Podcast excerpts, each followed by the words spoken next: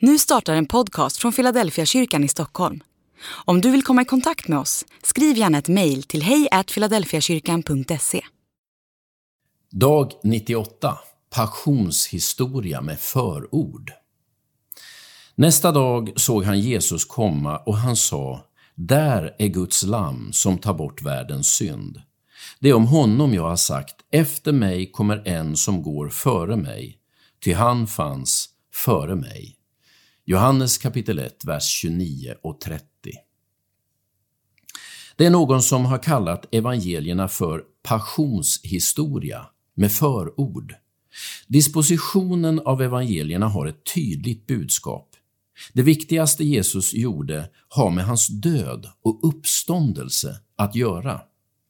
Det är som om hela den första delen av evangelierna är en enda lång förberedelse för den sista veckan.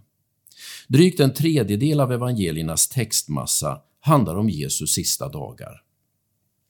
Om man säger att Jesus egentligen var en vishetslärare, en rabbi, då missar man hela poängen med evangeliernas berättelse. Tyngdpunkten ligger inte på hans undervisning och hans lik liknelser, oavsett hur revolutionerande de var. Tyngdpunkten ligger på hans död och uppståndelse. Inte heller gör, man, inte heller gör det historien rättvisa att kalla Jesus för revolutionär. Trots att han hade ett starkt socialt patos och ofta utmanade sin tids orättvisor, så hade han ingen politisk ambition. Alla fyra evangelier har samma fokus. Det är Jesu död och uppståndelse som är själva ärendet för hans tid på jorden. Johannes döparen är den första som formulerar innebörden i denna död och uppståndelse. Han säger, där är Guds lamm som tar bort världens synd.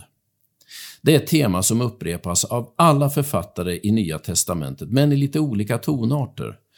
Ungefär som en refräng i en sång som återkommer mellan alla verser och sen upprepas ett antal gånger på slutet.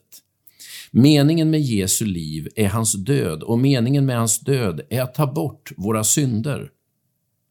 För att förstå vad det betyder ska man läsa berättelsen om Jesu död och uppståndelse noggrant.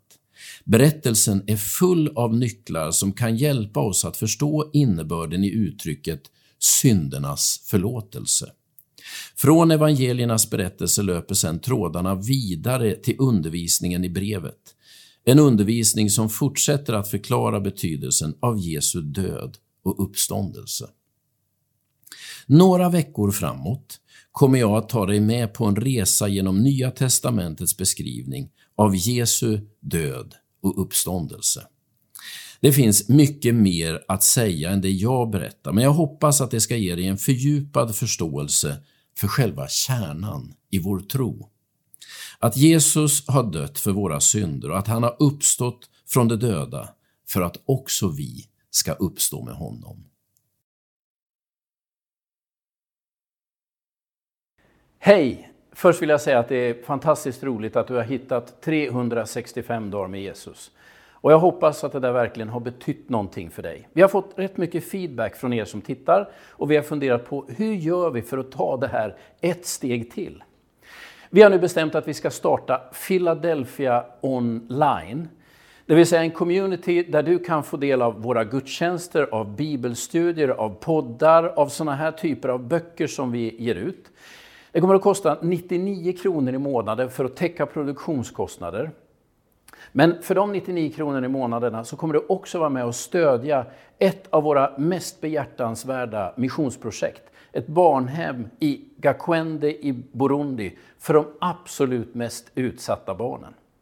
Vill du veta mer om det här, den här möjligheten så gå in på filadelfiakyrkan.se online.